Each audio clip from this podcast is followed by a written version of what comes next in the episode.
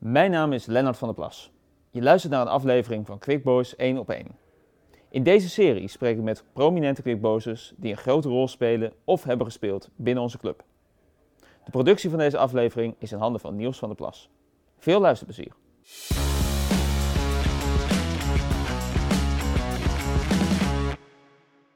Hij speelde 378 wedstrijden in Quick Boys 1, werd twee keer kampioen met Quick Boys, zelfs algeheel zaterdag kampioen.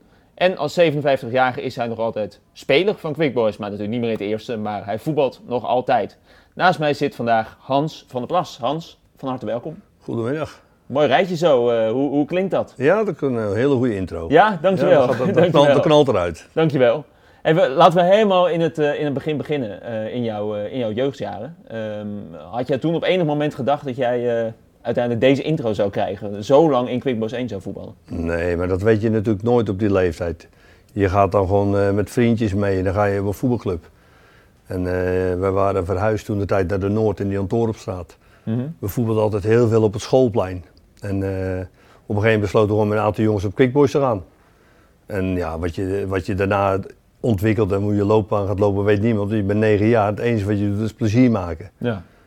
Uh, lekker voetballen en, uh, en, spelen met je vriendjes. Maar voor de rest denk je nergens over na. Nee, want je bent lid op je negende rond, ja. die, rond die tijd? Negen jaar, ja. En was dan Quickboys vanzelfsprekend? Of was, uh, was nog een andere club? Nee, dat is gewoon, gewoon vanzelfsprekend. We woonden natuurlijk in Jan Torenstad dichtbij. En ja. al mijn vriendjes die in, bij Quickboys speelden. Gewoon allemaal? je gaat natuurlijk met elkaar mee. Ja. Je, je vriendje waar je woensdagmiddag mee speelt, ga je ook mee voetballen en trainen. Precies. En zo ontstaat zoiets. Ja. Nou, toen begon het voor jou. Uh, nou ja, wat je zegt, toen we, wist je nog niet waar het allemaal zou eindigen nu, uh, nee. wat is het, 40, 50 jaar later. Uh, was in jouw jeugd al duidelijk dat jij misschien beter was dan de anderen? Nou, niet echt vind ik, want ik begon in de D8, dat heette het vroeger zo, dat heet tegenwoordig JO88 geloof ik. Ja, we hebben hele mooie namen daarvoor nu. Ja, ja. en dat was gewoon D8 vroeger, en daarvoor noemden ze het nog H, vanuit het alfabet. En... Ik ken dat niet. Nee, we lopen nu tot, uh, de, tot de F, wat ik me voor het laatst kon herinneren. Dan had je de landenteams eronder, maar ja. het was toen zelfs H. We gingen uh, wat, voordat ik op voetbal ging, was het nog H. Dus het hoogste elftal was A, uh -huh. B, C. En ik, mijn eerste, ik gaf hem op als lid en ik kon spelen in H. In de H. En dat was, vlak daarna is dat veranderd in D8. Oké. Okay. De leeftijdscategorie 8 tot 10 was D. 10 tot 12 was C en zo ging het dan omhoog. Dus je maakte een snelle sprong, je ging van de H naar de D'tjes? Nee, ik ging naar de D8 ging ik, naar de D3. -hmm het jaar erop. Dus ik, ik, ging het eerste jaar D8 en dan heb ik geloof ik een half, nee nog ineens een paar wedstrijden gespeeld. Toen ging ik vrij snel naar de D3. En in de D3 uh, ja, hadden we gewoon een heel leuk elftal. En uh, op een gegeven moment uh, wilde de trainer van de D1 wilde dat ik naar de D1 kwam. Samen met nog twee spelers. Cor, Zuid, Cor Zuidreun en um, Kees van Dijk. Die hier ook de begeleiding is geweest. Dus daar speelde ik toen mee. En ik ging ook veel met Kees van Dijk om toen de tijd. En, uh, maar de begeleider van het elftal van de D3, die man die was hier heel lang begeleider al. Jeugdleider, dan noemden ze dat eigenlijk toen. Geen begeleider, maar jeugdleider. Ja. En die was nooit kampioen geworden. En die zei, ik ga er bijna mee stoppen. Ik wil kampioen worden. En je krijgt die jongens niet. Zo ging het toen. En we gingen gewoon niet naar de D1. We bleven bij hem spelen, het seizoen af. Echt waar? En hij moest kampioen worden. Hij wilde ja. een keer kampioen worden. En toen werden we kampioen. Geweldig. Ja, dus je had al eigenlijk eerder een stap hoger op kunnen maken naar een, naar een ja. beter elftal. Maar dat... Ja, maar zelf was je er helemaal niet mee bezig. Ik wilde gewoon lekker plezier en uh, met mijn vrienden voetbal. Ja, toen je begon inderdaad, toen zat je gewoon met, met je vriendjes van ja. waar je mee op het schoolplein stond, zat je in het elftal ja, waarschijnlijk. Tuurlijk kon je leuk voetballen, dat wel. En ik liep altijd in de spits ook. Ik was nooit verdediger in de jeugd. Kijk. En uh, ja, de, de, ambitie of zo, dat had je toen nog niet. Je bent 8, 9 jaar. Nee. Je bent gewoon plezier aan het maken. Nou ja, tegenwoordig als 8, 9 zijn. Dan krijg je Messi, Ronaldo. En nee, oké, okay, maar die tijd is helemaal veranderd natuurlijk. Toen, ja. toen kon je ook pas met je 8 jaar voetbal geloof ik. Tegenwoordig gaan ze met 3, 4 jaar gaan ze al trainen en voetballen. Een stuk jonger. Ja. Dus is heel lang. Plus uh, de invulling van de trainers en de, de, de opbouw van training is natuurlijk ook in de jeugd al heel anders. Ja. Wij gingen vroeger uh, de koepentest lopen, we gingen de duin in. En tegenwoordig is dat gewoon, uh, doet niemand dat meer. Het is een heel andere manier van trainen. In de jeugd werkt men ook al aan het bovenlichaam. Precies, het is veel. Dat hebben wij nooit gedaan. Nee. Wij deden waar we zin in hadden, ja. gek gezegd. En deed dat dus al die jaren? Want nou ja, we begonnen in de D, je groeit langzaam door in zo'n uh, in zo'n jeugd. Nou, daarna ga je naar de C-junioren. En toen kwam het eerste jaar het C4, uh, daarna het C2. En uh, toen zat ik wel vaak tegen de C1 aan ook. Mm -hmm. Alleen ja, ik was ook een beetje ja, ik hield wel van een geintje en een grapje en een rolletje. En eh, soms werd dat niet zo geaccepteerd. En dan eh, werd ik wel eens disciplinair ook niet bij dat e- hoogste elftal gehaald. Ja, dat werd wel gebeurd. Toen al. Ja, nou ja, ik, ik, er nog wel eens wat uit. Ja. Kan je daar een voorbeeld van noemen? Wat, wat, eh, Nou, gewoon een hele gekke dingetje. Gewoon ook een stukje eigenwijsheid en een stukje eh, dingen doen op trainen bijvoorbeeld die niet konden. Of tijdens de wedstrijden gewoon een geintje uithalen waar het helemaal niet gepast was. Beetje ja, puberen. Ja, dat zat er Ja. gewoon in. eh, vrij jong al, dat ik altijd een beetje de grens opzocht. Ja. En eh, ja, sommige trainers konden dat tegen, maar er waren er ook genoeg bij die, het, eh, die dat niet tegen konden. En die dachten dan, we zetten hem even op zijn plaats. En dan, dan mocht je gewoon een wedstrijd niet meedoen, bijvoorbeeld. Of eh, Nou, of dan moest ik gewoon in de C2 spelen. gewoon echt een andere elftal. Ja. omdat, En dan moest je naar C2 meedoen en dan mocht je wisselen bij C1. Alsof dat zo lekker was dat je wissel zat. ja. Dan moest je s'morgens mee met C2, omdat je teruggezet was eventjes. Ja. En dan moest je smiddags wissel. Nou, dan ging je naar Dokers uit, of Rodenburg uit, vergeet ik nooit meer. En die trainer had voor de week gezegd, nou, eh, ik had, ik had weer wat uitgehaald, ik weet nog geen eens meer wat. Je speelt eh, zaterdag disciplinaire C2 en je gaat mee met de C1 naar Rodenburg uit. Nou, dat zal wel, ja, wat, wat heb je te zeggen? Je bent eh 10, 11, 12 jaar. Ja. En we bij Rodenburg uit en ik zit daar wissel. Ja, toen kon ik mijn mond weer niet houden. Toen zei ik op een ik, kan ik er niet in dan? Nee, zegt hij, je gaat helemaal niet spelen, maar je gewoon wissel. Ik kan gewoon de hele wedstrijd wisselen. Ja, Helemaal achteraf, naar naartoe en dan vervolgens... ja, en eh, achteraf denk ik, ja, gewoon een stukje discipline. Maar leerde je, daar dan, leerde je daar dan echt van? Kreeg je daardoor die discipline of niet? Nee joh, op dat moment Nee? helemaal niet. Nee, tuurlijk niet. De discipline komt pas veel later, wanneer je echt het prestatieve krijgt. En dat je echt eh, die stappen maakt van, eigenlijk denk ik vanaf je 16, 17, 18 jaar. En toen je bij de A-selectie kwam, ja, dan leer je het wel. Want dan Ja. door, de, door de oudere spelers word je wel teruggefloten. Maar het zal wel de bedoeling van de trainers ook geweest zijn. We zetten die Hans even op zijn plek en dan de volgende keer dan doet Ja, niet meer. Maar dan- dat, dat, bij jou werkte dat niet nee, zo. dat werkt niet zo. Nee, Nee. nee. Dat zat er nou eenmaal in en dat krijg je er ook niet uit. Nee. Dus je had echt wel, nou ja, eh, aangezien je echt wel in de hoogste elftal werd opgeroepen, had je echt wel aanleg, eh, aanleg voor het spelletje. Maar het, het duurde dus wel even voordat je ook echt Ja. een vaste plek veroverde in die hoogste jeugdelftal. Ja, nou ja, en ik liep natuurlijk in de jeugd liep ik altijd eh, in de voorhoede. Ik liep de eerste vier, vijf jaar altijd in de spits. En daarna ging links buiten lopen. Mhm. Vervolgens linkshalf. En toen een later stadium werd ik eigenlijk linkshalf, linksback. En wanneer is dat latere stadium? Ja, dat kwam eigenlijk een beetje bij de, bij de A-junioren. Beetje, eh, ja, bij eh, A1, A-regionaal was dat toen nog. Dat het daar een beetje ging ontstaan. Nou, toen stap je naar de senioren. Toen werd het eigenlijk eh, van links, toen liep je nog vaak linkshalf in de A-junior. Toen werd het daarna werd het linksback. Ja. Ja, Dus ja, ja verhaal. niet bewust eigenlijk. Het is gewoon gegaan. Maar ja, Gewoon de- langzaam zo gegroeid. ja eigenlijk. een gek voorbeeld. Die was bijvoorbeeld ook een eh, hele goede vriend van mij. Die speelde ook eh, speelde linksbuiten, ik linkshalf. Mhm. Maar we gingen toen de tijd met de hele groep naar eh, Denemarken toe. Elke zomer gingen we een toernooi in Denemarken doen. En dat was best hartstikke leuk, natuurlijk wilde iedereen mee. ja. Ja, we zaten in de C-junioren. Toen kon ik mee. Want die vriend kon niet. Mhm. Toen mocht ik mee. Maar in de B-junioren mocht hij mee, maar ik niet. We mochten niet met z'n tweeën. Want ze waren bang dat het, eh Dat als, het als het niet zo gegaan hand was, zou moeten. Dus toen mocht ik weer mee. En in de A-junioren, eh, of in de A-junioren mocht ik weer mee en hij weer niet. Dus ja, achteraf denk ik bizar, maar ja, Ja. eh, het ging Maar je hebt dus wel wat reisjes, jullie bij elkaar opgeteld, hebben wel wat reisjes naar Denemarken misgelopen doordat jullie niet samen Nou, ik heb hem er eentje misgelopen in de B-junioren. En hij twee. En hij twee omdat hij één keer niet kon en één keer omdat hij eh, twee. Dat niet Ja, heel apart. Denk Ja, je dan, en- eh, ja? En ook daar in Denemarken gebeurde natuurlijk weer het een en ander. Dus ja, dan, Werd je dan ook gestraft? Of, eh? ja, dan werden we ook gestraft. We zijn een keer samen met Frank van der Kleid, speelden in de A-junioren. Toen zijn we uit onze slaapzakken gelicht. En toen zijn we 's morgen vroeg in de hele grote wasbak had je van die, die oude scholen. Je sliep altijd in een school. Ja. En toen zijn we echt door iedereen beet gepakt. Door de begeleiding dan. En toen zijn we onder de koude, ijskoude kraan gelegd, 's morgen vroeg. Ja, toen waren we niet blij mee. Daar, daar even gedumpt.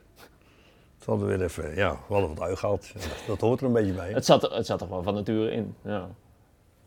En leerde je daar, maar toen was de fase dat je daar misschien wel weer wat meer van leerde. Dat je toen wel wat Nou, volwassener ook werd. Of, Nou, in de wedstrijden wel, maar op de training, eh, op de training niet. Maar het was ook een heel andere manier van trainen. Hè? Het trainen was eigenlijk eh, ja, niet zo uitgebreid en zo, zo ver geschoold zoals het tegenwoordig is ook. Het was toch een stuk, eh, een stukje plezier en vrijheid in de trainingen. maar zelfs in het hoogste elftal. Ja, zelfs in de A-regionale. Wij hadden bijvoorbeeld Cor van Duivenbode, een oud eerste helft speler van Quick Boys ook. Die hadden we trainer. Mhm. Ja, die man die zei gewoon, jongens, je moet doen wat je goed in bent. En op de training natuurlijk was er een stukje discipline. Een stukje was ook een stukje verantwoording in zijn training, wat hij ook aan trainingen gaf. Maar er was ook een stukje vrijheid en gekkigheid. Wat juist ook de kracht van ons was. Ja. Want juist door die gekkigheid en die vrijheid en hoe we elkaar hielpen, maar ook elkaar steunden en elkaar dekten als het ware, als er, als er wat uitgehaald werd. Ja. ja. dat levert ook een, binding op met je groep, waardoor een groepsproces ontstaat. En ja, dat hebben we in de A-regionaal bijvoorbeeld fantastische wedstrijden gespeeld onder die Cor van Duivenbode. Ja, omdat hij die vrijheid ook aan jullie gaf om... Uh... Ik vergeet nooit, wij speelden bij ADO De Haag uit in de junioren. En uh, die hadden best een goede opleiding toen ook, jeugdopleiding. En wij gingen daar naartoe. Nou ja, hun waren met een warming bezig. Wij deden, ja, we kwamen aan. We gingen even rustig praten. We gingen een beetje lopen rotzooien. En we liepen een beetje te dollen. We gingen zelfs 11 in de warming-up. Nou, bij wijze van spreken. En we winnen daar gewoon met 3-2. En nou, heel aardig daar natuurlijk helemaal verrast. Stel dat je van die ongeïnteresseerde voetballers een kat Die denken van die rollen bij op straks. En we speelden ze gewoon, ja, niet weg, maar we wonnen wel met 3-2. Dat was natuurlijk een dure nederlaag. Ja. En die wedstrijd afgelopen. En wij liepen helemaal Polonaise daar. Die kantine in bij het oude Adel, bij die jeugdcomplex. Ja, ja. ja, de mensen, wat zijn dat voor een stelletje lijpen? Heel bijzonder, ja. Denk je dan achteraf, want, uh, nou ja, je hebt nogal wat meegemaakt ook in die jeugdjaren. Had jij dan dingen anders willen doen? Want dat je denkt van nou, dan, dan was ik nee, misschien wel bijvoorbeeld in het profvoetbal terechtgekomen. Is dat ooit een optie Nee, nooit. Want uh, je moet uh, terugkijken op de dingen die je hebt gehad. En daar moet je van genieten en dan kan je een stukje lering uittrekken. Maar het belangrijkste is, uh, je hebt genoten. En dat de, daar ontstaat alles mee. Voorop. Ja, ja tuurlijk. Ja. Als je geen plezier hebt, kan je niet presteren ook. Klinkt logisch. Ja. Maar heb je niet ooit de kans gehad om bijvoorbeeld in het profvoetbal terecht te komen? Twee keer uh, is er een gesprek geweest. Oké. Toen de tijd met Wageningen. Maar ja, dat, uh, toen was ik ook bezig met mijn opleiding voor, voor mezelf te beginnen al. Toen was ik 3, 24 jaar. En ehm, toen kon ik daar een, bepaald bedrag krijgen. Maar de Wageningse berg, om daar te komen moet je gewoon uh, eh, 12 uur uh, gaan rijden hier vandaan. Als je om half drie moet trainen. Ja. Smiddags trainden ze. Ja, dat was voor mij niet te doen. Ik was net voor mezelf begonnen. Dan kon ik van, uh, vanaf 7 tot half 12 werken. Ja. Moest ik 12 uur daar naartoe gaan rijden, vier keer in de week. Op woensdagmiddag was hij dan vrij. Plus ja, dat was ook natuurlijk, met respect gezegd, heel weinig salaris, heel weinig geld. Ja, ja dat was, was voor, mij, jou niet aantrekkelijk. Nou ja, hun hadden wat gezegd wat ik kon krijgen en ik had er wat tegenover gezegd. Maar ja, dat, uh, dat lag veel te ver uit elkaar. Nou ja, dat was ik niet haalbaar. Dat was niet gek. Maar nee. dat gaf ook aan. Uh, denk niet dat ik zo goed was dat ik daar ook wat uh, verder had kunnen groeien. Nee. nee. Dus je had misschien in betaalvoetbal terecht kunnen komen, maar dan, dan had je misschien, op dat niveau van Wageningen toen de tijd. In de tweede divisie heette dat toen de tijd of zoiets. Ja, huidige eerste divisie. De, de, de Eredivisie, eerste divisie. Ja. En, maar de, de, verder niet. Nee. Ook denk ik omdat ik er nooit zo mee bezig was ook. Nee, dus dan, nou ja, dan veel beter dat je hier bent gebleven waar je gewoon altijd al die jaren plezier hebt gehad, denk ik. Ja, tuurlijk. Ja, ja. Want laten we, nou ja, laten we dan naar jouw uh, volwassen tijd bij Quickboys gaan eigenlijk. Want op je negentiende debuteer je hier in het, uh, in het eerste ja, elftal. Ja, klopt. Begin nou ja, van een hele lange reeks waar je, waar je komt te spelen. Begon je toen ook als verdediger? Want daar was je dus langzaam naartoe gegroeid in die jaren. Nee, het middenveld was onder uh, Martin van Vianen in 1983 was dat eind oktober of zoiets, of half oktober. toen heb ik vijf, zes wedstrijden meegespeeld. Mhm. En uh, middenveld een paar keer gedaan. En toen ben ik er, uh, denk anderhalf jaar of een dik jaar niet meer in geweest. Of, of uit geweest, laat ik het zo zeggen. Waarom was dat? Ja, gewoon door uh, concurrentie en ook niet goed genoeg, denk ik, of keus van de trainer. En ehm, dat, dat, lag ook een beetje apart. En toen werd ik ehm, aan het eind van het seizoen daarna werd ik weer eens disciplinair teruggezet uit de selectie. Toen word ik teruggezet naar derde. En uh, ik, had weer wat gezegd of uitgehaald, maakt niet uit. En uh, toen moest ik beginnen in het uh, Quickboys 3. Maar er kwam een nieuwe trainer, Rob Teuns. Dat was 1985. En die sprak ik hier ook een keer. En toen was ik in de voorbereiding. Toen was ik, mocht ik niet meer de A-selectie. Vroeger was de A-selectie Quickboys 1 en 2 ja. bij elkaar. Het was niet zoals nu. Dat je echt 16 of 18 man van je A-groep hebt. Het was echt het eerste en tweede was de A-selectie. En derde en vierde was de B-selectie. Speelden allemaal op redelijk niveau. Maar toen kwam ik die Rob Teuns hier tegen en die kwam naar me toe. Die zegt, uh, wat heb jij nou weer uitgehaald? En ik had die man voor de rest van de gesproken. Ik zeg, hoezo? Ja, hij is teruggezet door het bestuur de derde. Ja, ik had wat gezegd en ik had wat uh, geintje uitgehaald, weet je wel. Hij zegt, uh, maar ja, hij zegt, ik, had wel, ik zag wel potentie in je. Toen zei hij tegen mij, hij probeer zo te blijven trainen. ga vol in je best doen. En binnen een uh, half jaar kunnen we kijken of je terug kan halen naar de A-selectie. Nou ja, ik zei oké, dat is goed. Maar ja, voor de rest dacht ik er niet zo over na.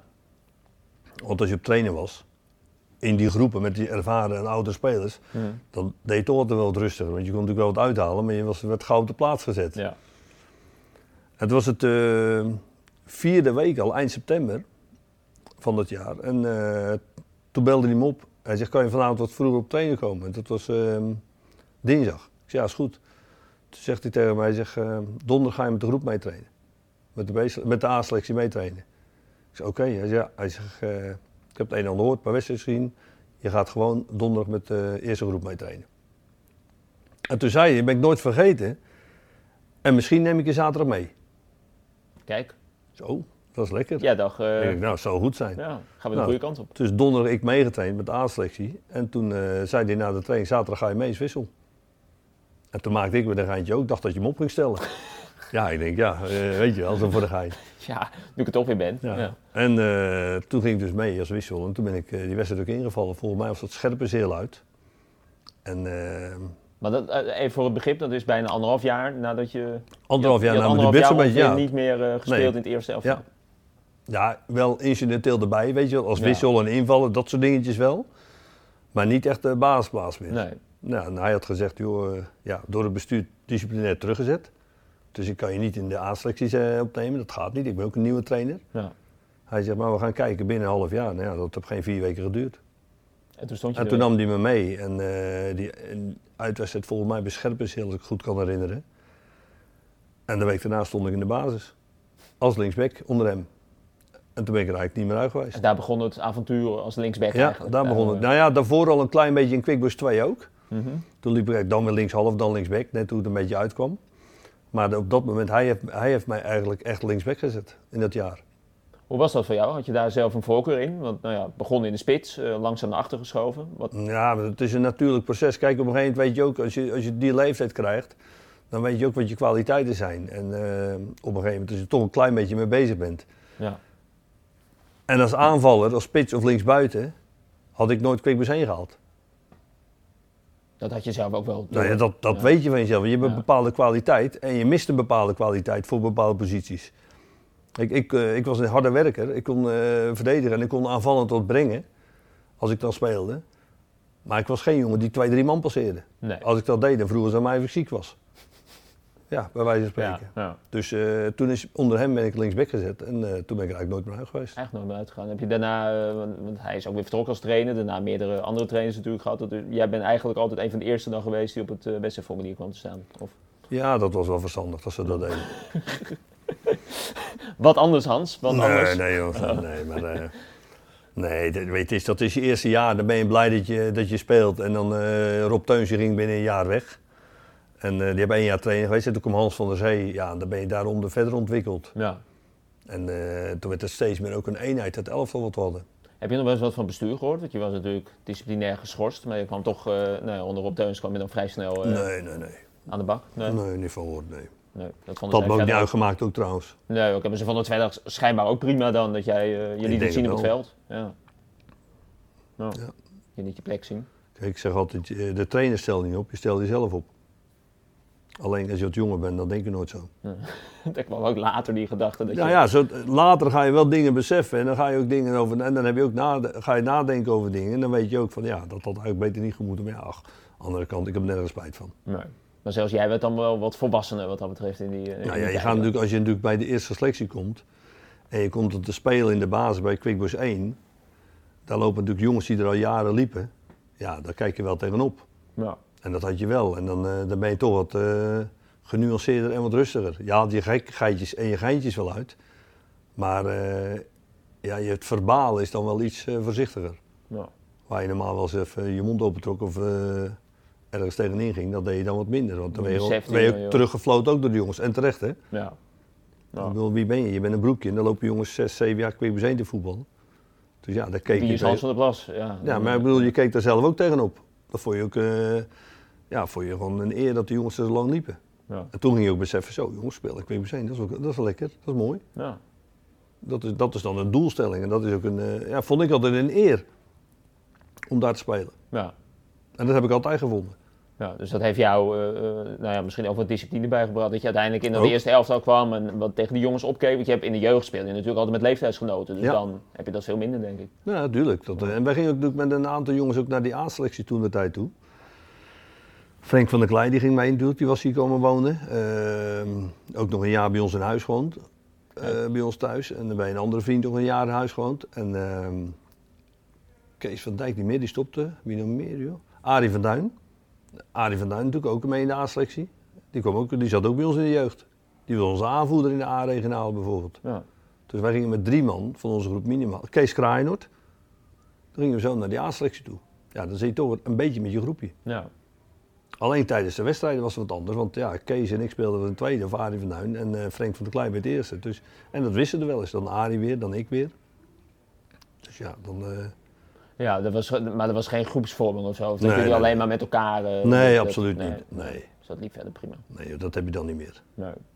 Het was de tijd, jaren 80, dat jij kwam te spelen dat Quick Boys eh, nou, lang geen prijs had gewonnen. 69 voor het laatst kampioen. Ja. Merkte je dat? Dat dat al zo lang Nou, die droogte was? Daar was ik niet zo mee bezig. Ik denk dat wij als spelers ook niet zo eh, mee bezig waren. Maar op een gegeven moment kwam wel het besef. Want wij werden, we hadden best wel een goede selectie. En ik geloof dat ik voordat we kampioen werden zes keer tweede ben geworden. En de eerste twee keer ben je jong. En dan ben je, ben je er niet zo mee bezig. Maar op een gegeven moment derde keer tweede, vierde keer tweede. En dan gaat het toch een beetje eh, pijn doen. En dan ga je toch van tikken. Maar jongens, we willen ook kampioen worden. Ja. En dan ga je ook de historie van de club horen. En dan ben je ermee bezig. Zo lang geen kampioen, Quick Boys. Ja, eh, Ja, want jij was een heel jong jochie toen dat voor het laatst Ja. het kampioenschap natuurlijk werd. Dus eh, toen ging je er wel mee. er Ging, je, je was er steeds meer mee bezig. En je was steeds meer bij. Potverdikke me, nou waar gaan we ervoor? We speelden bijvoorbeeld een, een jaar dat we ehm, eigenlijk voor het kampioenschap helemaal meegingen. Mhm. Speelden uit bij. Fantastische wedstrijd, wonnen 7-2 of 7-3. En NSVV moest verliezen. En wij waren uitgespeeld, die wedstrijd. We hadden gewonnen en dan waren wij kampioen. Ja. En NSVV stond 1-0 achter. En die scoorde in 93 minuut 1-1. Ja, dan heb je op dat veld echt een, een besef van de bal is zo verschrikkelijk. Dan ben je echt. eh, Weer niet. dat Net weet ik altijd herinneren. Weet je, weer niet. Het was geloof ik de zesde keer in, in zeven eh, jaar tijd. Of in acht jaar tijd. Dat je zes keer tweede wordt. Tja. Gaf je dan niet met elkaar ook een beetje de moed op op een gegeven moment van potverdorie zeg, weer. Nee, dat geef je nooit op. Elke wedstrijd wil je winnen. Elke wedstrijd ga je weer vol gas er tegenaan. Maakt niet uit hoe wat. Maar had je ook wel de gedachte van, nou, dit, dit gaat, uiteindelijk gaat het echt wel goed komen ook. Want we hebben zo'n goed elftal. Ja, dat, dat elftal dat formeerde zich eigenlijk meer daarna een beetje. Mhm. Niks Tienstra zou hier trainer worden. Dat was als het goed is 1989, 88 zo'n beetje. En na Hans van der Zee. En toen kreeg die, die, die kreeg dat vlieg- vliegtuigongeluk. Ja, Waar die ja, overleed. Ja. En toen kwamen er ook drie jongens van buitenaf zouden dat jaar komen. Fred Kambier, eh, Marco Dijkhuis en Richard Hogevorst.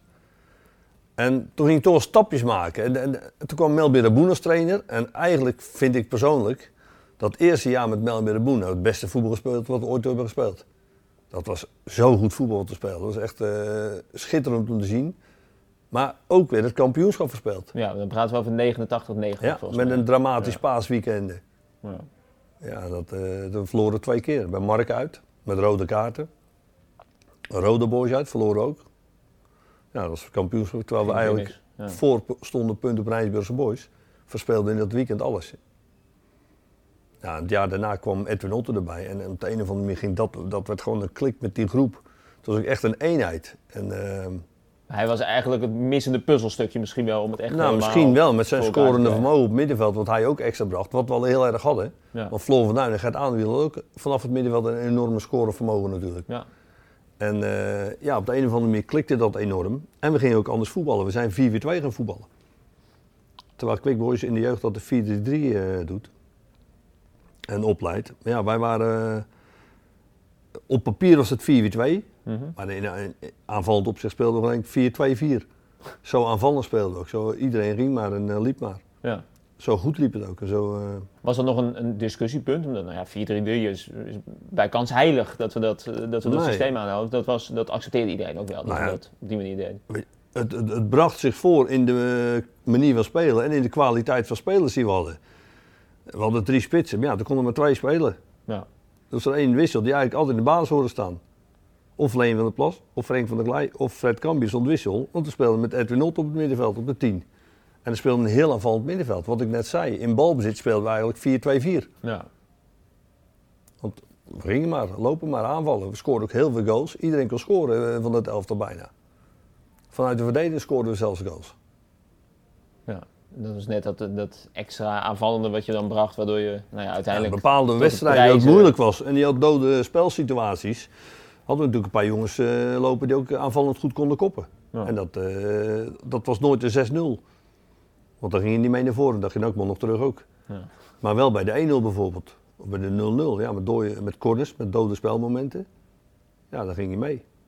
Johan Jonk was zo goed en ik kon aardig koppen. Er hadden wel een paar jongens die... Heel eh, veel jongens in het elftal met dat scorende vermogen. Ja. Bedoel, eh, vanuit de verdediging hadden toch twee jongens lopen die altijd wel eh, minimaal 4, 5 goals maakten. En dat waren meestal ook belangrijke goals. Uiteindelijk 91 het, eh, het kampioenschap, maar iets Ja. daarvoor, twee jaar daarvoor, eh, de districtsbeker, West 2. Voor mij de enige keer dat wij als Quickboys de districtsbeker hebben gewonnen. Wat weet je daar Ja. nog van? Was dat, werd dat als een soort prijs gezien, na 20 jaar geen prijs? Of, Ik zou je vertellen, daar weet ik heel weinig nog van. nou, het heeft niet, geen enorme indruk gemaakt. geen indruk, maar ik Ja. weet nog geen eens meer tegen wie het was. Oh, Weet jij het wel? Hoor? nee, ik weet het ook niet. Oh, nou, nee, ik kan me het ook net niet meer herinneren, 89. Ik weet dat we hem gewonnen hebben. Maar voor de rest weet ik er heel weinig nog vanaf. Nee, dus dat maakt, het was niet zo van, we hebben 20 jaar geen prijs gewonnen, we hebben nu de districtsbeker. Nee, dat is, ja. eh, nee. Beker. Ja. We moesten kampioen worden. Ja. En dat werd, dat werd langzaam wel het besef dat dat het doel wordt. Ja. Dat we dat gewoon uh, Zeker na zoveel jaren tweede Ja, natuurlijk. Ja. En je wist ook dat het op een gegeven moment in het elftal zat. Om kampioen te worden. Ja. Nou ja, dat kwam in 91 kwam dat eruit.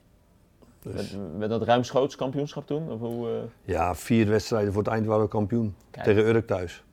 Met een eh, fantastische wedstrijd met publiek. Dat was, eh, die wedstrijd vergeet je ook nooit meer. Na al die jaren. 22 Thuis, jaar. ja. ja. Maar eigenlijk vond ik zelf de wedstrijd daarvoor vond ik heel bijzonder en heel mooi. En toen moesten we uit naar Go het Kampen was er voor mij. En die hadden zo'n eh, veld, net als Quickboy, ook zo'n duin, eh, zo- zo- zo'n helling achter. Mhm. En daar kwamen we 1-0 achter. Wij kwamen in die periode heel vaak met 1-0 achter. Maar we- ja, eigenlijk lachten we erom. Want we wisten dat we die wedstrijd toch wel gingen beslissen. Schudden jullie bakker eigenlijk? Ja, nou die kwamen we 1-0 1-0 achter. En toen, eh, ja, toen gingen we daar echt vol gas geven. En toen werd er 5-1 van ons. En er waren in die wedstrijd volgens mij 20 of 22 bussen mee. Go het Kampen was dat, als ik het goed heb. Gewoon twee, nee, VVOG uit was het. Harderwijk, Ah, als ik het goed heb.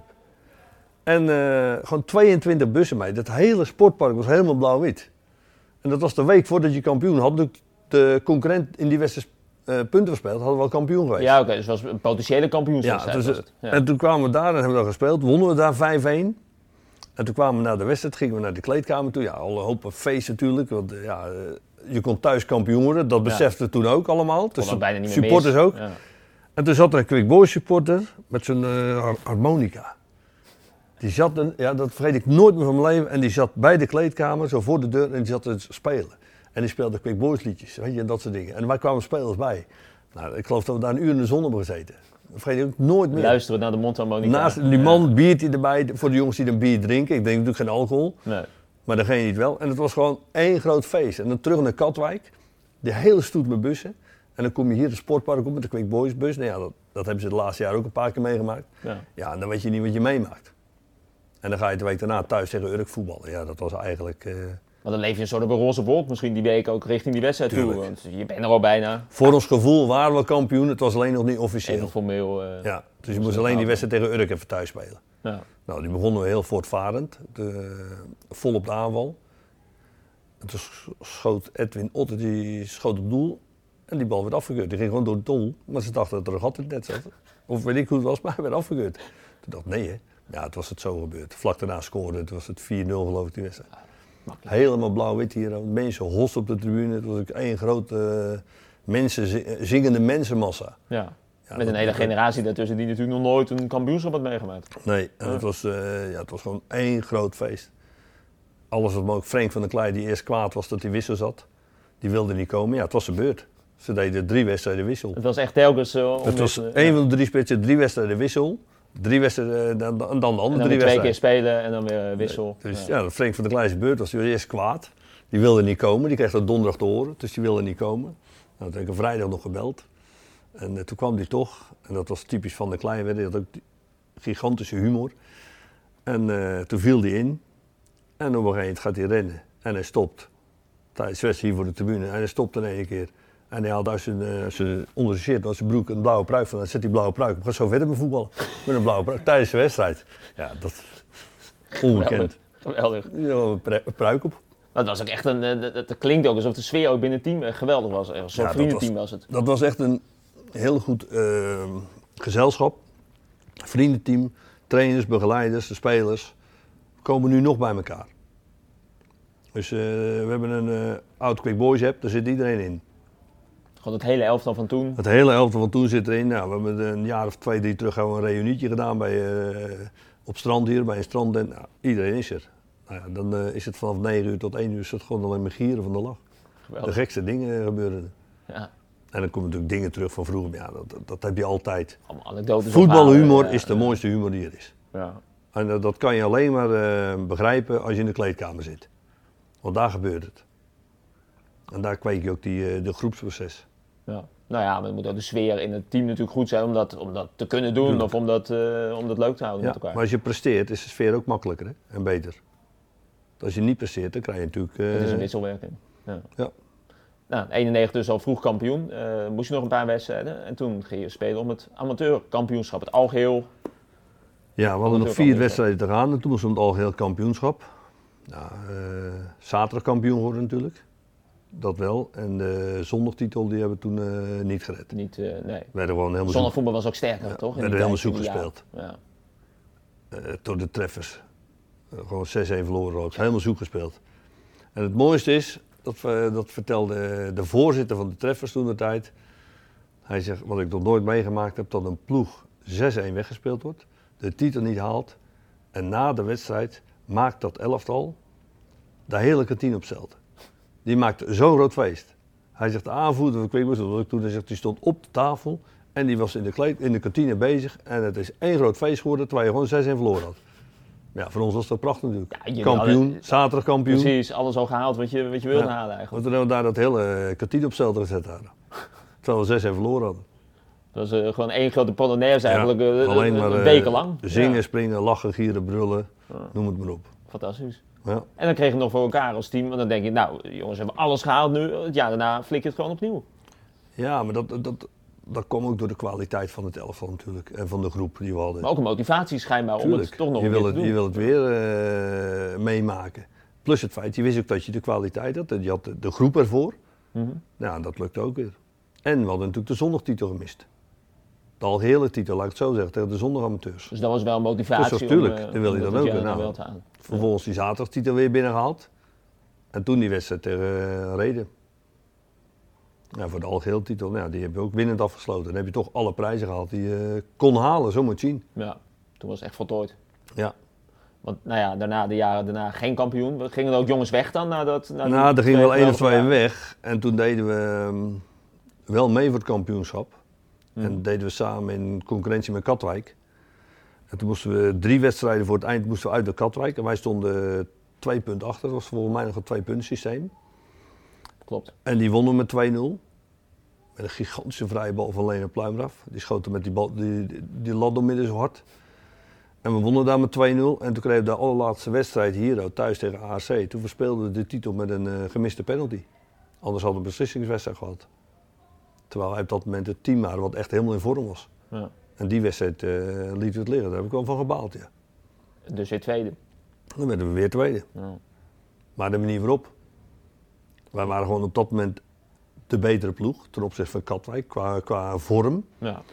En uh, dan speel je thuis tegen AC en je weet die wedstrijd niet te winnen. Door ook nog een penalty te missen vlak voor tijd. Als je die uh, erin geschoten had, had je gewoon een beslissingswedstrijd gehad. En bij ons leefde echt de overtuiging, die beslissingswedstrijd winnen wij ook van ze. Dus zo waren we wel mee bezig. Maar ja, we vergaten de AC uh, te slachten. Die moest nog even. Ja, dat vergaten Dat deed achteraf wel zeer, ja. Een zuur momentje dan. Ja. ja. Nou, jaren daarna ook nog doorgevoetbald tot 99 uiteindelijk. Ja, 99, Toen, eh, ja. Voor het eerst gestopt en dan komen we er zo nog op. Waarom besloot je om toen te stoppen? Je was 35. Nou, een hoop jongens waren gestopt en ehm, die, van, mijn, van onze lichting was er niemand meer. En op een gegeven moment, ja, ik had natuurlijk ook mijn eigen bedrijf en ik had eh, drie, drie jongens die voetbalden en ik vloog alleen maar van hot naar her. Ja. Op zaterdag was ik eh, alleen maar aan het rijden, bij die kijken, met die mee. Mijn vrouw die ging met, met, met een of twee van de jongens mee, ze speelden alle drie. ja. En ehm, ja, eigenlijk, eh, Kees Stempelaar was trainer. En ja, op het einde van de ik vond een aardig man, maar wij hadden niet zo'n klik.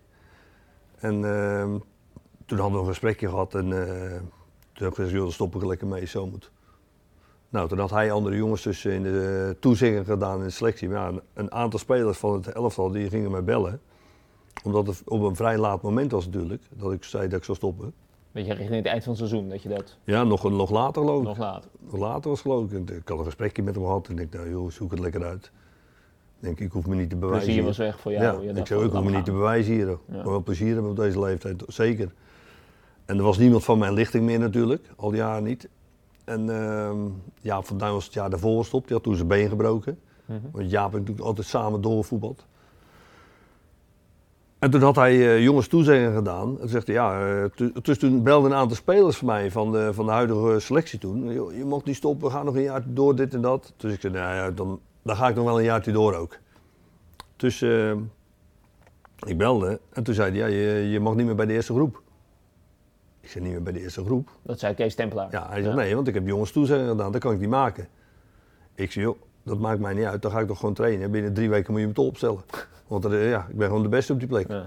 Ja, op dat moment ben je natuurlijk een bepaalde leeftijd. Ik heb een beetje arrogantie eh, gekregen. Ja. Dus ik zei tegen hem van, joh, dat is geen probleem. Ik zeg, eh, binnen drie, vier weken speel ik er toch weer in. Ik zeg, en dan, eh, dan eh, sta ik gewoon linksback. Of jij het wil of niet wil. Maar ja, toen eh, is dat toch niet doorgegaan. En toen ben ik Quickboys 5 gaan voetballen. Waarom is dat niet doorgegaan dan uiteindelijk? Hij wilde het niet. Oké. En eh, ik mocht dan mee, eh, wel gaan voetballen, maar niet meer bij de A-selectie. Ja, en de, Ja, dan doe ik het niet. in. Nee. Hij zei, nee, want ik heb de jongens toezeggingen gedaan. Nou, ik zei, dan zoek het dan maar uit. Ja. Toen was het definitief. eh, Toen ben ik gestopt, dus ja. Nou, het was het november, of eh, eind oktober, en het ging niet zo best. Het was van korte duur dat stoppen. Ja. Ja, toen kwam er een gesprek, het bestuur belde me op of ik woensdagavond wilde komen praten hier. ook. En er was eh, Dirk van Duin eh, eigenlijk een beetje de, de, de, de gangmaker in, die nog altijd op secretariaat Daar ja, nu zit. Ja. En hier een gesprek gehad of ik eh, erover nadacht om te trainen, om weer terug te keren in de, in de eerste selectie. En Kees Tempelaar als dat gesprek ook al, die was erover geïnformeerd. En toen ben ik op donderdag meegetreden. Maar hij vond het goed Nou, dat jij erbij kwam nu. Het ging niet goed. hij ging niet goed. Dus hij werd eigenlijk een klein beetje eh, onder druk gezet denk ik, door bestuur. Kijk, bij die gesprekken ben ik niet geweest. Nee. Ik heb hier op woensdag een gesprek gehad of ik terug wilde keren voor het eerst. En kijken of ik eh, weer voor het eerst wilde gaan, omdat ze dachten dat het nodig was. Ja. Dus ik heb eh, woensdag gesprek gehad. Donderdag mee gaan trainen. Het was de training afgelopen en toen heb ik hier weer boven gezeten. Met eh, Dirk van Duin, de voorzitter, voor mij was dat Jaap Kuit toen al. En Kees Tempelaar. En toen zei hij van, eh, wil je zaterdag mee? Ik zei, ja, is goed. Hij zegt, nou als het nood is, kan ik je inbrengen. Ja, toen zei ik tegen hem, ik zei, nou, dan snap je er niks van. Want als ik mee ga, ga ik spelen. En toen zei Kees, ja, maar je hebt eh, drie maanden niet getraind. Ik zei, jij pakt drie maanden geen punten. ja. En toen ging ik dus zaterdag mee en toen ben ik gelijk gaan spelen. Maar ook weer, waarschijnlijk was hij ook weer onder druk gezet om dat te doen. Toch? Of, of- Ja, dat weet ik niet. Bij die gesprekken ben ik niet. Maar eh, ja, ik ik Maar ook jij een stuk, jij ik had ook een gemaakt- arrogantie. Ik, als ik terugkeer, dan ga ik wel spelen. Ik ga niet wisselen zitten. Nee. Zeker, ik heb nooit wisselen gezeten, dus ik ga niet wisselen zitten ook. Nee. Ik zeg, ik ga niet mee om in te brengen als het nodig is. Nee. Ik zeg, en over de conditie van mij hoef je geen zorgen te maken, want die is altijd al goed geweest. Daar was ik zelf ook niet bang voor. Nee, weet je, had die maanden daarvoor had je wel gewoon... eh, ja, ik had wel gevoetbald, alleen niet meer getraind. Nee, Maar daar was ik niet bang voor. nee. En hoe ging dat toen? Ja, toen ging het redelijk goed, ja. We wonnen gelijk weer een paar keer. En scoorde ook geloof ik twee, drie goals gelijk weer. Met jou de basis? sluis uit. En toen ben ik weer de basis gaan spelen, ja. En het jaar, of dat jaar zijn we dus eh, gewoon positief geëindigd, niet gedegradeerd. Maar bleef jij toen, want eh, nou ja, november, december kwam je weer bij? Eh, Nee, nee in begin november al ben ik gelijk gaan spelen. Begin november, En toen ben ik het hele jaar erbij gebleven. het hele jaar erbij gebleven. Dus je was gestopt in 99, maar uiteindelijk gewoon het hele seizoen. Ja, het hele jaar daarna. ja, 99 of 2000. Volgens mij was het 2000 dat ik weer, Ja, erbij 99 2000 Ja, dat je dan dat eh, seizoen, 99, 2000. En toen kwam ik in, In november 99. november 99 erbij. Het hele seizoen afgemaakt tot eh, juli 2000. Juni. Was dat eh, voor jou nog een vraagteken dat je dat hele seizoen zou afmaken? Toen Nee, nee, nee. in november erbij kwam, of had je wel echt het idee van, joh, dan doe ik het hele seizoen? Nee, dat, ja, dat groeide ook op dat moment. Dat-. Daar denk je niet over na. Op dat moment keer je terug in de selectie. Je gaat terug omdat het gevraagd wordt. Ja. Ook vanuit de spelersgroep werd En gevraagd. nodig, nodig was op dat moment. Ja. Misschien ook nodig. En gewoon dat seizoen afgemaakt. Maar wel met het idee van, ik stop er weer mee. Na dat jaar. In Nou ja, 2000. Toen kwam het jaar daarna kwam Ruud de Groot als trainer. En die vroeg of ik nog een jaar door wilde gaan. Maar die wilde wel dat iedereen, maar dan ook iedereen, drie keer ging trainen. En ik had tegen hem gezegd, joh, ik wil twee weken drie keer trainen. Maar die andere twee weken wil ik vrij zijn. Helemaal vrij. Nee, twee keer trainen kom ik altijd. Maar die derde keer trainen, dat, eh, dat ga ik niet meer doen. Soms kom ik, maar soms ook niet. Dat ik niet eh, af hoef te bellen van ik kom niet trainen. In principe twee weken, drie keer trainen ik je toe. Maar twee weken kom ik zeker twee keer trainen, maar niet verplicht drie keer. Nou, hij wilde dat niet. Het was een nieuwe trainer. Hij wilde de discipline aanhalen. Ik zei, nou, dat is je goed recht. En toen ben ik definitief gestopt. Ja. Dacht je. Maar, Ja, inderdaad, dat dacht je, definitief. ja. Dus toen ging het toch niet zo florissant, ging weer niet lekker. Toen werd ik in half november gevraagd. Want je had wel ook weer die maanden ervoor in een laag elftal gevoetbald. Ja, ik was bij mijn vrienden weer spelen. Ja. Bij, bij al die jongens die in het eerste Ja, speelden. eigenlijk gespeeld hetzelfde als het jaar ervoor. Ja, Precies. die speelden allemaal in Quickboys 5. Leen van der Plas, Frank, Ja, die eh, waren, Jaap van die waren wel zo eh, langer gestopt natuurlijk. al die jongens Ja. van de eerste helft, die hadden al een eh, heerlijk elftalletje. Ja. Prachtig voetballen met die gasten. Vond je heerlijk, gewoon lekker op zaterdag balletje Lekker man. trappen. En, Met je maten waar je altijd in het eerste gespeeld hebt. precies. En eh, toen kwam in november werd ik gebeld. En toen heb ik een gesprek gehad of ik terug wilde keren in het eerste. Maar toen heb ik nee gezegd. Ik zei, ik doe het niet meer. Toen in begin januari... eh, Maar dit klinkt heel resoluut, want de club Ja, maar- jou weer nodig, maar jij had zoiets Nou, ze hadden me in mijn ogen niet echt nodig, maar het, het liep niet lekker. En eh, dat was nog vrij vroeg. Ik denk, ja, vorig jaar ben ik al teruggekeerd in, ja, voor het weet, dan in oktober, november. Ik, ik- ja, heb je weer een heel seizoen. weet ja. je wel, en, en ja, ik had er ook niet zo'n gevoel bij. Ook met, met die trainer niet, met Ruud de Groot niet. Nee. Niks aan halen, maar op de een of andere manier had ik niet zo'n eh, gevoel. En, dus ik had nee gezegd. Toen werd ik begin januari gebeld vanuit bestuur. En eh, hier een gesprek gehad, eh wil je terugkeren? Ik zei, nee, ik ga niet meer. Ja, toen ging het toch na de winterstop toch weer een stuk minder. En niet zoals iedereen gehoopt en gedacht had. En toen werd ik volgens mij in begin maart weer gebeld. Ja, toen had ik gezegd, ik wil best wel eh, over nadenken. En Floor van Duin, die was er hier ook, die trainde ook bij ons, speelde ook in Quickboys 5, Floor die ook allemaal gespeeld heb. En toen zei Floor tegen me, ja, ga nou terug, je kan de eerste helft hel- helpen. Ja. Toen zei ik tegen Floor, ik zei, nou oké, ik wil erover nadenken. Ik zei, maar dan wil ik op donderdag wel even laten zien dat ik er ben. Ik zei, want als ik terugkom, wil ik wel laten zien dat, eh, dat ik ook terug ben ook. Ik zeg, dan heb ik jou nodig. Toen zei Floor, hoe bedoel ik? Ik zei, op de training moet je me even helpen, dan moet jij ook mee komen trainen. Dat we samen gaan trainen, dat ik niet alleen in de hele groep, want ik kon bijna niemand meer van die lichting. Of heel weinig. Een hele nieuwe groep inmiddels. Ja. Ook nieuwe spelers. Er werd toen de tijd al meer spelers van buitenaf ook gehaald. En toen eh, zijn we op donderdag gaan trainen met Floor van Duin. En toen had ik eigenlijk wat opgezet eh, in overleg met Floor. Dat had ik besproken met hem. Dat met een positiespel, dat hij eh, op een gegeven moment een korte bal zou geven op een bepaald persoon. Dat ik die even keihard aan zou pakken. En dat hebben we ook zo gespeeld. En toen kwam die korte bal en toen ging ik er volop in. Het was tegelijk de eerste donderdag gigantische ruzie. En bijna vechtpartij met die persoon. Ja, toen Maar dat had je allemaal van tevoren eh, uitbedacht. Omdat... nou ja, omdat ik gewoon, je ziet die wedstrijden, je ziet ook een beetje waar het aan schort. En je ziet ook een beetje wat, in mijn beleving, dat iemand zich als de baas gedroeg in die selectie, die in mijn beleving erg geen baas mocht zijn of kon zijn. Nee.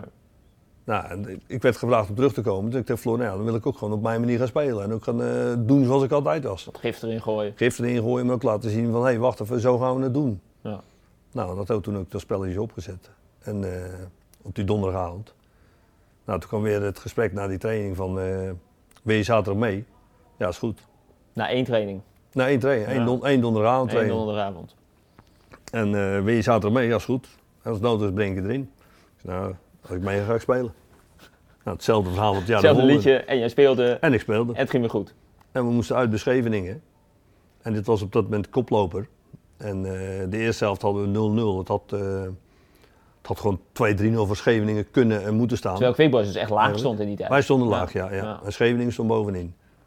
En in de rust uh, ja, is er wat behoorlijk heftige woorden gevallen tussen mij en uh, de trainer. En, uh, over de manier van spelen. En toen na de rust, toen, hebben die wedstrijd naar ons toegetrokken met 2-0. Toen nou eigenlijk een beetje doorschuiven wat de trainer wilde, één op één. Gert Aanwiel speelde toen nog mee, bijvoorbeeld. Uh, René van Mechelen, Raymond Flaton. Even Schoneveld speelde er ook bij. En uh, ja, na de wedstrijd die wedstrijd toch omgedraaid. En uh, niet naar de trainer geluisterd.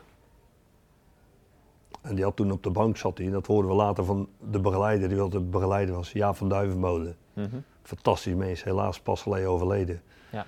En uh, dat hoor ik dan later van Jaap, want ik heb Jaap altijd als begeleider meegemaakt. Dus Jaap en ik hadden een hele goede klik.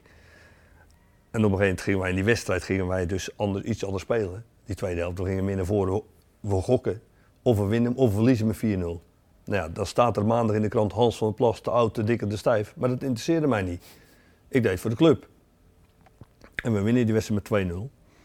En toen wij door gingen schuiven, meer naar voren gingen voetballen, toen uh, had Ruud de Groot, die zat al met de gillen langs de lijn naar mij toe. Maar ik reageerde nergens meer op. Ik deed net of ik hem niet hoorde. Ik denk, bekijk het maar. Ja. En toen zei Jaap van Duivenbode later, die had tegen hem gezegd van, als je hem wilt bereiken, moet je hem wisselen. Want hij luistert nooit meer naar je. Hij zegt, of je moet hem eruit halen, maar dat zou ik niet doen. Nou, dat hoorde ik zo later van Jaap. En de wedstrijd was ook afgelopen. We wonnen daar met 2-0. En toen kwam Ruud de Groot aanlopen. En toen zei hij, ik weet dat je een eigenwijze klootzak bent. Maar vandaag had je gelijk aan je zijde. Ja, dat is wel leuk. En die weken daarna heeft hij ook naar jou geluisterd? Is het ook... Nou, het ging niet om naar mij luisteren. Het ging gewoon nee, als team. Het ging om het teamproces. En de weken daarna heb ik nog een wedstrijd of drie, vier meegedaan, geloof ik. En toen ben ik weer gestopt. Was ik heb het seizoen niet afgemaakt. Nee, oké. Je bent eerder gestopt omdat je dacht van het, het, loopt nu voldoende of we hebben voldoende punten gehaald. Nee, ik had een beetje last van, uh, van een uh, blessure gekregen. Klein, ik was niet helemaal fit. En toen moesten we thuis tegen Lisse. Mm -hmm. Maar ik was niet fit genoeg om te trainen en uh, om die wedstrijd te spelen. Maar ik speelde wel om Quickbus 5 en 12 uur hier. Maar voor het eerst, dat, dat, toen ben ik ook weer gestopt gewoon. Toen was het echt... ik vond het wel goed. Toen was het echt helemaal ja. definitief klaar. En toen liep ik gewoon 12 uur daar te voetbal op veld 6. Het was de tweede helft kwam Jaap van Duin was ook begeleider dat elftal uh, geworden. En die zei tegen me, kijk, je kan wel een kwik bezeen gespeeld hebben. Ja. En weer teruggegaan zijn. Maar je hebt bij ons je wisselbeurt. Want ik zat natuurlijk al in dat team, tel mm, ja. Hij zei, in de tweede helft moet je vlaggen. en toen liep ik de tweede helft hier Om 1 uur, kwart over 1, liep ik te vlaggen. Op veld 6 langs de oprit. Terwijl de supporters naar het veld gingen. Want die dachten, kwik bezeen tegen Lisse en Hans van der Plas. Het loopt Hans te vlaggen. Waar is Hans? Ja. het liep met twee pakken te vlaggen, ja. Ik ging niet meer spelen in het eerste. Het was echt uh, afgelopen. Maar dat was een verrassing dus van mensen dat het ook echt... Ja. Dus je hebt nooit echt een, een soort allerlaatste wedstrijd gehad? Of dat, je echt, dat mensen het gevoel hadden van dit is de laatste wedstrijd van Hans? Nee, er is later wel een afscheidswedstrijd gekomen natuurlijk dat wel georganiseerd. Maar echt officieel in een wedstrijd niet dat je dacht van nee, dit, dit is, dit is uh, het einde van het seizoen bijvoorbeeld en uh, nu stopt hij echt. Nee. Nee, dat, die, die wedstrijd niet. Dan werd je met de blessure zo te maken. Ja. ja. omdat ik niet helemaal fit was om een Quick te spelen op dat nee. moment. En Quick Boys 5 kon het wel iets ander niveau. Ja, ja daarom. Dan kan je natuurlijk wat makkelijker... Uh, wat rustiger aan misschien. Rustiger aan doen en wat meer uh, je eigen verschuilen. Ja. Dus, uh, 2001 zijn we inmiddels, 37. Nou, Hans, definitief gestopt toen, op dat ja. moment. En wat toen? Wat ging je toen doen binnen de club? Want je bleef actief. Nou, natuurlijk als speler ja. in een lage elftal, maar... Nou, Jaap Kuit was toen de tijd voorzitter, als ik goed kan herinneren. En um, Henk Krauw, technisch manager met Ruud de Groot als trainer. Nou, met Ruud de Groot gingen ze niet door. En toen had Jaap Kuit aan mij gevraagd of ik technisch management wilde gaan doen. Meteen na jouw Meteen na de spelerscarrière. Dus daar had ik over nagedacht, maar ik, ik deed heel veel met Jaap van Duin samen. En Dirk van Duin. De technisch management. En dan hadden we een gesprekje gehad met, je, met Jaap Kuit, kan ik me nog herinneren. En toen hebben we besloten om het met z'n drieën op te gaan pakken. Dus jullie vormden met z'n drieën Dus met z'n drieën, Jaap en ik vanuit het voetbalgebeuren. En Dirk van Duin vanuit het bestuurlijk gebeuren. Dat er ook van het bestuur eentje bij zat. Ja. En uh, toen zijn we dat technisch management eigenlijk op gaan pakken. En Gert Aandewiel zou onder Ruud de Groot nog trainer worden, eigenlijk, mm. assistent trainer worden. En, maar Ruud de Groot gingen we niet mee door. Dat besloten jullie vrij laat? Dat nou, dat werd door het bestuur ook uh, besloten om met hem niet door te gaan weer. Ja. Terwijl Gert assistent zou worden. En toen hebben we een paar gesprekken gehad en uh, in, met z'n allen over gehad. En ook met Gert en met Arjen van der Werf erbij. En toen is eigenlijk met z'n allen besloten om Gert hoofdtrainer te maken. Gert had toch die ambitie. Gert was er ook altijd heel erg mee bezig. En die, ja, die had dan trainerscursus ja. gevolgd en dergelijke. Maar toch, hij stond een en jaar hij was heel jong. met jou op het veld. Jawel, maar hij was ook heel jong, Gert. En, ja. uh, maar aan de andere kant, Gert had toch een bepaald niveau in, in, het voetbaldenken en het voetbal uh, ver, ver, ver, vertalen en verklaren, weet je wel. En, uh, die was er altijd al mee bezig. Alleen in onderling overleg met z'n allen, in die gesprekken die we hadden, is ook besloten om er een ervaren iemand naast te zetten. Nou, dat werd Arjen van der Werf. Ja. Dus Arjen van der Werf gebeld en gevraagd. En uh, daar hebben we met z'n allen die twee bij elkaar uh, gekregen. Kijk, Gert met, uh, met het kennis en know-how van de huidige trainingen, noem het maar op. En Arjan, ja, Arjan is natuurlijk een teambeelder, puur zang. Is jouw trainer ook geweest? Nog ook trainer geweest. En, ja. Voor Arjan van der Werf ga je door het vuur. Ja. Je hoeft niet altijd met de mensen te zijn, maar voor Arjen van der Werf gaat iedereen door het vuur. Dus met elkaar hadden jullie het idee van dit gaat straks een goed, nou ja, goed team met elkaar kunnen Arjen was ook trainer geweest, terwijl Gert ook voetballen. Ja. En dat klikt al allemaal. Dus ja, dat, dat is ook iets heel moois ontstaan. Wat resulteerde in kampioenschappen. Ja, ja uiteindelijk ging dat uh, hartstikke goed natuurlijk. Ja. ja. Dus, uh, Want nou ja, je nam wel een soort gok natuurlijk met elkaar om nou ja, hen dat te laten doen. En ja. het eerste jaar liep dat nog niet meteen fantastisch. Het was niet zo dat het, dat het meteen nee. uh, Hosanna was. Nee, dat klopt. Het kostte even tijd. Heeft dat... Ja, dat heeft ook te maken met de, met, de, met de trainers misschien en de spelers en wat je voorhand had. En, en Gert werkte toen natuurlijk al bij Krenscent, een uh, voetbalmakelaarskantoor. Ja, en, uh, en dat was van Piet Buter was dat. Dus Gert had ook heel veel input vanuit directe input van spelers die of geen contract meer kregen. Of uh, ja, Gert had heel veel kennis erin en heel veel uh, know-how. En ook heel veel uh, input dat die spelers kon halen die bij Quickboys passen. Dat hij zei, jongens, die en die. Jongens, dat. Dus ja, het, het, samenspel was gewoon goed. En, maar ja, daar namen jullie met elkaar dus ook de tijd voor. Want dat kon hij nog niet doen in zijn eerste jaar. Want hij werd natuurlijk vrij nee, laat aangesteld. Al die klopt. spelers hadden al contracten, die waren overal al. Dus eigenlijk pas in zijn tweede jaar kon hij echt gaan bouwen aan een... Als ik terugdenk, dan denk ik dat nog ineens alle spelers toen de tijd een contract hadden. Dat was toen volgens mij nog ineens dat iedereen een contract had. Ja. Dus dat is de, inderdaad, dat is ook natuurlijk. Gert kwam onverwachts voor die groep met Arjen van der Werf samen. Maar in het seizoen wisten ze wel wat we wilden veranderen. En wat, waar we beter in moesten worden of waar we beter konden worden. Ja, en dat uh, had Gert natuurlijk vanuit, uh, vanuit zijn uh, beroep en vanuit het bedrijf waar hij werkte, de eerste input. Ja ja, dat was wel lekker natuurlijk. Hadden jullie ook vanuit het bestuur en de supporters het vertrouwen om dat te doen? Zeker omdat het eerste jaar nog niet echt een uh, groot succes was. Maar... maar... vanuit het bestuur wel, anders hadden ze dat nooit samengesteld. Nee, maar ik bedoel, was er niet twijfel op een gegeven moment in zo'n eerste jaar dat je, dat ja, je ziet dat weet van ik het... niet. Dat, uh, nee. dat, dat interesseerde mij ook nooit zo weinig. Nee. Ik bedoel, als ze twijfelen hadden en ze zeggen het niet, is voor mij geen twijfel. Nee, dan ga jij gewoon door. Dan, ja. ja. Bedoel, uh, dan moet je het zeggen tegen ons. Nou, het eerste jaar dus wat uh, moeizaam gehad. Tweede jaar uh, kwam Maarten Bak erbij, onder andere. Ja, tweede jaar, tweede jaar werd natuurlijk doorgeselecteerd ook door de inhoud en de, de input van Gert.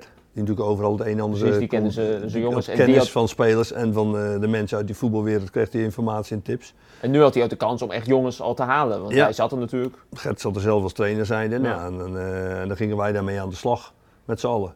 In overleg met Gert en Arjan natuurlijk. En toen Maarten Bak kwam erbij. En nog een paar spelers natuurlijk. En het jaar daarna, toen konden we Hendrik van Belen terugkrijgen bij Cambuur vandaan. En daar zijn we vol, uh, vol gegaan.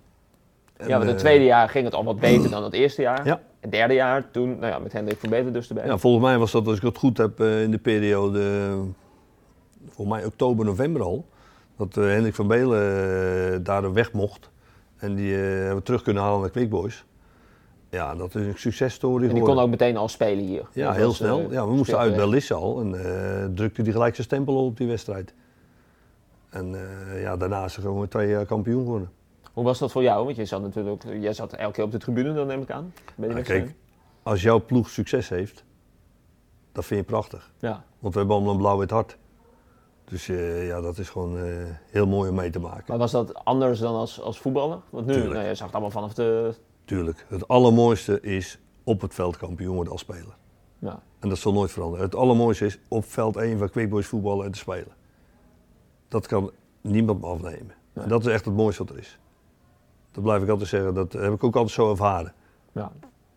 Maar dit was uh, een hele goede tweede. Nee, dit was, om, dit was eh, prachtig. Ja, maar als speler zijnde is het allemaal. Dat was nog, uh, nog net wat mooier. Want dat doe je het zelf. Met jouw groep, met jouw mensen. Ja, wat Quickboys toen, nou ja, uiteindelijk in 2003, 2004 kampioen. Ja. Uh, toen was het ook alweer heel lang geleden natuurlijk. Ja, 92 voor het laatste. Dat ook alweer een ja, uh, periode tussen. Uh, 10, 12. Ja. En dan was dan toen die ontlading. Met, met aandewiel dus. Ja, Waar dat- jij ook mee die aandeel in had gehad. Tuurlijk, maar eh, dat- die ontlading is natuurlijk fantastisch geweest. Maar ik- ik- eigenlijk kan ik daar minder van herinneren als dat eh, wel van de kampioenschappen, maar van hoe het allemaal ging, als dat je zelf als speler er loopt. Ik liep ook als aanvoerder, was ik ook eh, dat je kampioen werd. Is natuurlijk, eh, beker moet je ophalen, Ja. noem het maar op. Dat is ja, toch een heel je andere belevenis. Nu Ja. zat je gewoon op de achtergrond en je had, die, eh, je had er je werk wel aan gehad en je hebt er wel mee, aan meegeholpen. Maar niet zo direct als dat je op veld staat. Daarom zeg ik het mooiste is op veld als speler kampioen worden. Ja. Dat heb ik een aantal keren mee mogen maken. En dat eh het allermooiste wat er is, in mijn beleving. Ja. Ja, begrijpelijk inderdaad. Want, eh, nou ja, twee keer op rij kampioen met, met Aan de Wiel en, eh, en Van den Berg als assistent. Tweede jaar zelfs eh, algeheel kampioen. Ja. Jij bleef ondertussen op je post zitten? Of had jij... Ja, wij hebben gewoon, eh, nou ja, nog altijd met die driemanschap natuurlijk. Met Dirk van Duin en, En, Jaap van Duin. We ja. deden gewoon met z'n met z'n paarden. Ja. Dus met, met, met dat groepje waren we gewoon met de trainers heel vaak in overleg. En probeerde je goede beslissingen te nemen. En probeerde de boel de juiste kant op te krijgen. ja. Tot wanneer heb je dat gedaan uiteindelijk? Ja, volgens mij tot een jaar of 2010, 11. Oké. Echt dus wel heel lang dat eh, Ja. technisch management. eh, Ja, als ik het goed kan herinneren. Toen een stapje terug gedaan, maar wel altijd op de achtergrond eh, beschikbaar en blijven helpen hoor. Ja. Dat wel. Want daarna ben je een beetje de scouting ingegaan volgens mij. Nou ja, ook dat, dat je wat meer, minder dat directe ging doen. Mhm. maar, meer, maar dat kwam ook omdat de, de club ook veranderde. Hè? Ja. Er werd hier ook ander beleid eh, opgesteld. Er werden ook andere mensen die eh, bepaalde functies gingen doen. En ik had nooit de ambitie en ook de tijd niet om in het bestuur te gaan. Ook, daarom zei ik als eerste de ambitie. Ik had dat niet zo om een bestuursfunctie op te pakken. Eh, omdat ik vond dat er een hoop tijd in zat en ik ja, ze met mijn bedrijf. En Ja. ik voetbal nog steeds zelf. Voetbalde die periode nog. Ja. Ja, dat vind ik het leukste wat er is. Nog steeds zelf voetballen. Ze kunnen nog zo zeggen, je moet een speler gaan scouten. Als ik op zaterdag ga spelen, ga ik spelen, ga ik echt niet. Echt waar? Ja. Nee, dat meen ik echt. Dat weten ze ook van mij. Ja. Ik bedoel, eh, dat vind ik het mooiste wat er is. Alleen de, de humor, de gezelligheid op het veld met die gasten. Wij spelen ook met al die oud-gasten nog steeds. Hendrik van Belen, Maarten Bak, Benny van Vruchten. Nou, die is ook stikstapel gek. Dat is onze keeper. Dat is ons spits geweest, Kwik. Dat is een zeven jaar onze keeper. Nou, en dat hele groepje speelt even schoon. Dat allemaal oud eerste helft spelers. Dat is hartstikke leuk. Ja. Van mijn lichting niemand meer. Ik wil zeggen, er zijn nog veel. Want jij bent Nee, ja, ik ben de enige. oudste waarschijnlijk in dat elftal. Ja, zo kan je het zien. Ja, nou ja, ja. Nou ja, het, zit, het scheelt niet zoveel hoor. Want die gasten zijn allemaal rond de 40. ja nou ja, Nee, ik, 57 ben, ik ben 47 en 120 maanden. Wacht even, ja. ja, als je hem zo zegt, dan valt het mee. Dus dan Ja, valt het toch mee? Dan valt het, dan valt het mee. Ja. En je kan nog steeds prima mee ook in dat... eh. Jij staat nog achterin? Gewoon achterin. Joh, Ja. ik, ik, ga, ik doe mee. Maar je moet gewoon ook eerlijk zijn. Ik ben denk ik de eerste voetballer op de Nederlandse velden die door de scheidsrechter ingehaald wordt. Dus, maar dat maakt niet uit. Ik loop er nog steeds. Ik vind het nog steeds leuk. Ik vind het super. Dat is, dat is het allerbelangrijkste natuurlijk. Ja. Nog even terug naar die, eh, nou ja, die soort scoutingsrol wat je hier dan binnen de club vervult. Ja. Want hoe ziet dat er dan uit? Nou ja, er zijn zaterdagen dat je, dat je gewoon lekker zelf aan het voetballen bent. Ja. Maar daarbuitenom, wat, wat doe jij dan? Wat is jouw Nou rol? veel, eh, veel kijken, veel, eh, veel in- informatie zoeken van spelers. Ehm, ik ga bijvoorbeeld nooit naar een speler kijken als ik geen voorinformatie heb. Stel dat er een speler eh, uit de scouting komt dus, eh, die interessant zou kunnen zijn voor ons, Mhm. dan ga ik niet zomaar kijken. Dan ga ik eerst bellen.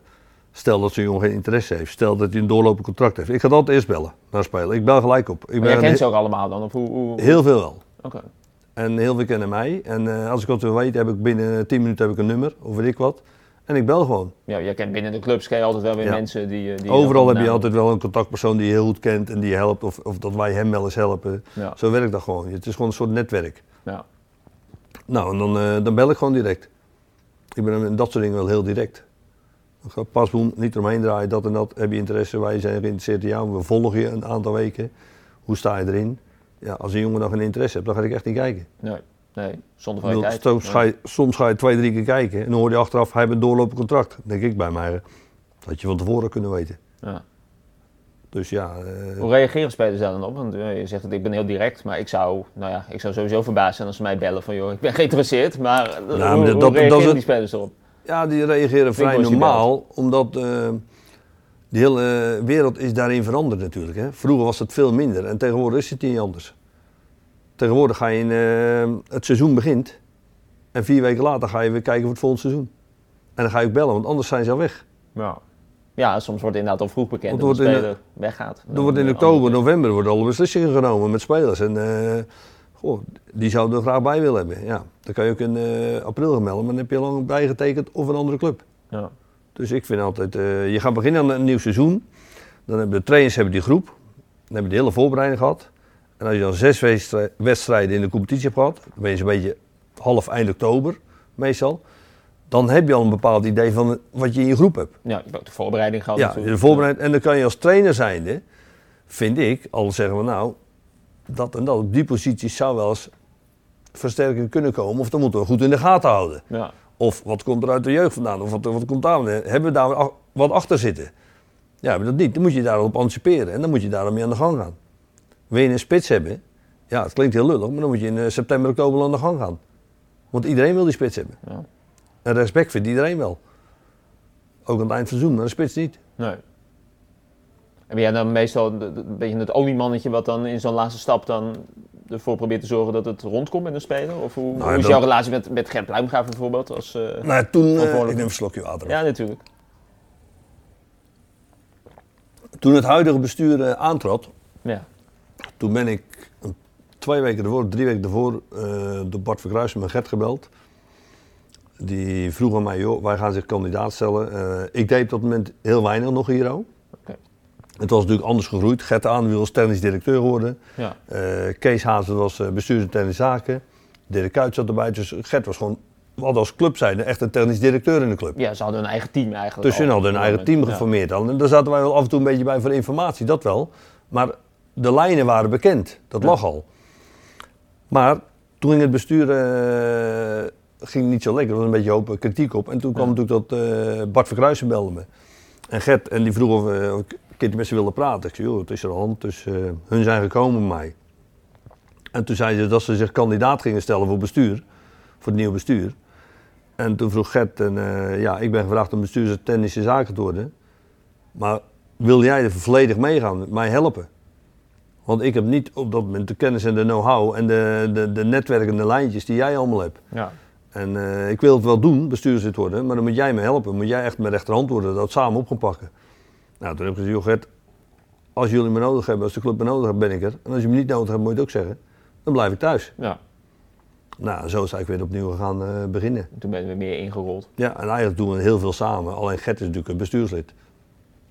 Gert is uiteindelijk degene die eh, de juiste contractformulering en alles eh, in orde maakt. Ja. Maar we overleggen heel veel. Dus Maar- alles, alles tussen ons wordt besproken. ja. Maar ben jij dan vaak degene die, die een beetje het laatste contact dan heeft met een eventueel nieuwe speler? Of hoe? Nou, meestal doen we met z'n tweeën. Oké. We hebben altijd eh, gesprekken. Eh, kijk, Gert belt wel eens jongens op. En, ik, en dan als er dan echt een gesprek komt, zijn we altijd met z'n tweeën minimaal. En de trainer erbij. Edwin Grunholz. Ja, ik vind dat, eh, dat is het belangrijkste wat er is. Want die jongens werken met de trainer niet met ons. Ja. Ze, ze zijn drie keer in de week te trainen op het veld. Ja, dus het is niet alleen, het is met driemanschap is het dan ook Ja. echt. Dan, Alleen als dan de, de, de finale afronding is, dan is het meestal met Gert en mij. dan eh, mogen jullie dat doen. Ja, dan de trainer niet bij te zitten. Ja. Je hoeft niet alles te weten. Want trainer is in principe een passant.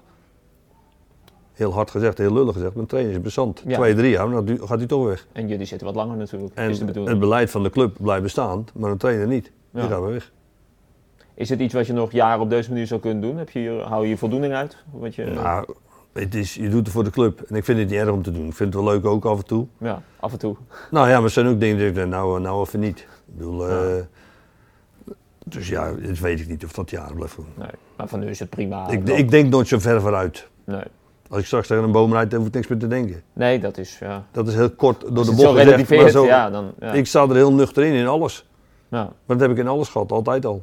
Is het ook in je spelerscarrière dan voor nu? Dat je zegt van nou, kan best zijn dat ik volgend jaar stop. eh, of, of dat ik nog jaren doorga. Heb je Dat daar best kunnen. Kijk, mijn knie is al jaren niet meer goed. Ik moet eigenlijk al zes jaar een nieuwe rechterknie, een kunstknie. Want ik heb helemaal geen kraakbeen meer. Ah. Maar ja, bij mij telt nog steeds dat mijn kop sterker is dan mijn lichaam. Dus je blijft gewoon doorlopen. En dan blijf ik gewoon voetballen. Een paar pilletjes erin en dan gaat het weer. Voor elke wedstrijd is dat wel nodig ja, om... eh, ja. om echt waar- Ontstekenremmers. En ik heb van eh, de broer van Hendrik van Belen, Martin van Belen. Die heb je er ook nog even in het eerste gespeeld. Mhm. Die zei een anderhalf jaar terug of twee jaar terug tegen me, weet je wat je moet doen? Ik zei, nou zeg het eens. Hij zei, je moet eigenlijk op vrijdag al zo'n pil nemen. En dan neem je zaterdagochtend weer. Ik zeg, waarom? Hij zegt, dan gaat het al in je lichaam werken. Dat is echt een ontsteking in hem. Want het is bij mij puur ontsteken. Want ik heb helemaal geen kraakbeen in mijn rechterknie. Dus het is bot op bot. Nou, ik, ik ben dat gaan doen inderdaad. En ja, het, het gaat beter. Kijk, ik loop niet uh, florisant. Nee. Maar ik vind het gewoon hartstikke gezellig, hartstikke leuk. Gaat het goed, blijf voetballen, heb ik klas, ga ik eruit. Prima. Ja. Ja. Maar je hebt wel de humor, de gezelligheid. Het is, een- het is een teamsport. Een teamsport vind ik zo mooi. Ja. En dat motiveert je ook nog steeds om toch nog, ondanks jouw leeftijd en de pijntjes, om dan gewoon lekker door te gaan. Heerlijk. Maar ook de humor die je in het veld kan hebben met elkaar. Winnen we is goed. Verliezen we is het goed. Spelen we gelijk is ook goed. Ja. Alleen het gekke is, zo staan we erin. Op het moment dat we het veld staan, ja, dan willen we winnen. Maar dan krijg je er nooit uit. Nee. Ten koste van alles.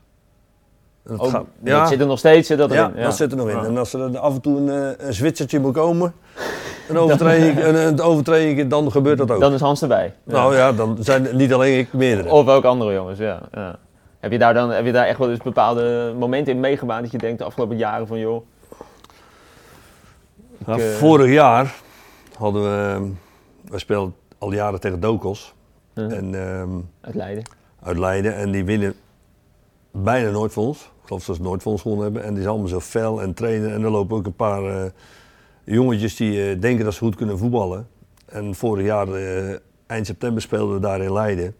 En toen waren ze zo irritant bezig. Dat ik op een gegeven moment wel zei, jongens, kap nou eens een keer. Weet je, je krijgt woorden naar je hoofd ook en alles.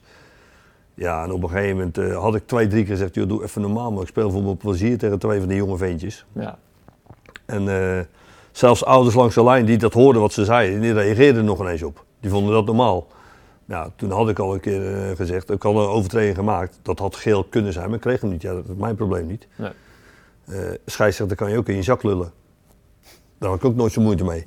dat geloof ik ook wel. Ja. En wat gebeurt er? De jongens gaan toch nog verbaal tekeer. En op een gegeven moment komt er een moment en eh, hij speelt de bal iets te ver voor hem uit.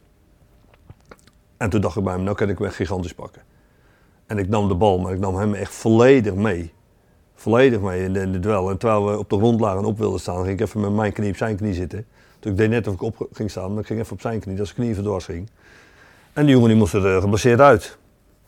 Nou ja, ik heb er nooit meer over nagedacht. Totdat eind december, of begin- half december, Peter van Duin, de fysiotherapeut, hier naar hem toe komt. En die zegt tegen hem, eh, ik moet jou nog bedanken. Ik zeg, bedanken waarvoor? Hij zegt, ik heb een hele goede klant door jou. Ik zeg, een goede klant door mij? Hoe bedoel je? Hij zegt, er ligt bij mij iemand op de bank. Die heeft in eind september gevoetbald tegen Quick Boys 4.